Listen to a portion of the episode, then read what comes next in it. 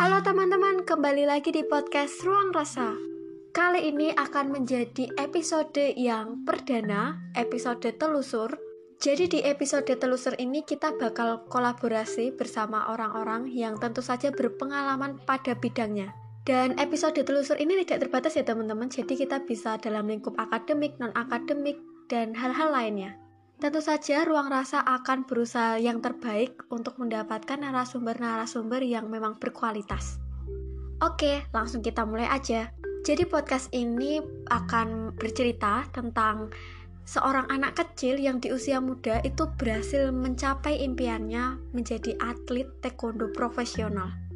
Ditunjang dengan kemenangan-kemenangan yang telah ia raih. Yuk, tanpa berlama-lama lagi, kita kenalan langsung. Hai, Halo, Oke, kamu panggilannya siapa? aku panggilannya Ata.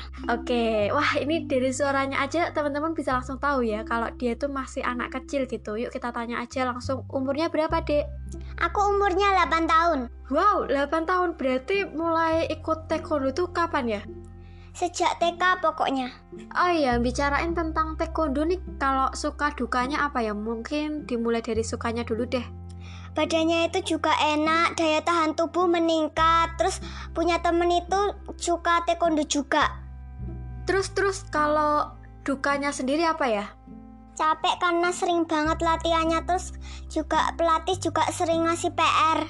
PR PR-nya itu PR apa? Suruh ngapain ya itu? PR-nya itu suruh split, suruh lari. Oh, I see. Iya, iya, paham, paham. Kalau aku tuh pernah denger eh, taekwondo itu ada pembagiannya gitu. Ada dua kalau nggak salah itu apa aja sih?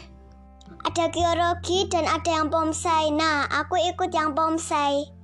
Pomsai itu pomsai itu apa itu bedanya pomsai sama kyorugi? Kalau kyorugi itu jotos-jotosan kayak perang gitu loh. Kalau pomsai itu gerakan.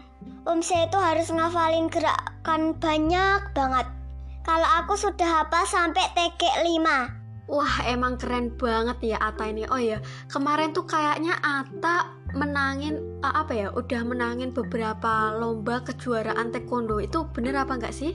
Iya bener terus aku tuh juga pernah dapat emas. perasaannya waktu lomba itu gimana sih? Apalagi kan kalau tadi kamu bilang Pomsei itu memperagakan gerakan taekwondo ya. Nah, itu pasti ditonton sama banyak orang ya kan?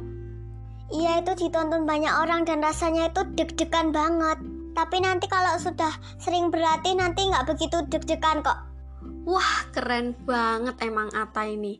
Eh, mungkin dari Ata sendiri punya tips nggak biar gimana ya biar berani buat ikut taekwondo gitu? Ya yakin saja kalau taekwondo itu bisa membawa kita kesuksesan. Terus dari taekwondo itu kita juga bisa belajar banyak hal.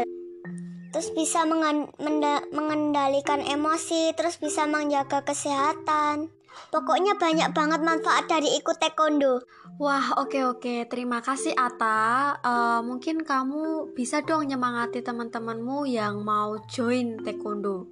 Semangat buat teman-teman sem- semangat berjuang dan berlatih. Jangan ragu buat join taekwondo. Oh ya, sebelum penutupan aku mau tanya kalau misalnya aku kan udah kuliah nih, menurut kamu aku masih bisa nggak daftar taekwondo? Bisa-bisa aja sih. Oh, oke oke. Oke, terima kasih Ata sudah berkenan buat sharing-sharing di podcast Ruang Rasa. Semoga kamu nggak kapok ya buat join lagi kapan-kapan. Semoga kamu bisa mengukir prestasimu lagi. Semoga ke depannya kamu bisa dapat medali-medali lagi. Amin, terima kasih kak. Aku juga seneng kok bisa diundang di ruang rasa. Oke, terima kasih lagi. Bye-bye. Bye. Nah, itu dia teman-teman sharing-sharing dari Ata bagaimana dia menjalani kehidupannya sebagai atlet taekwondo.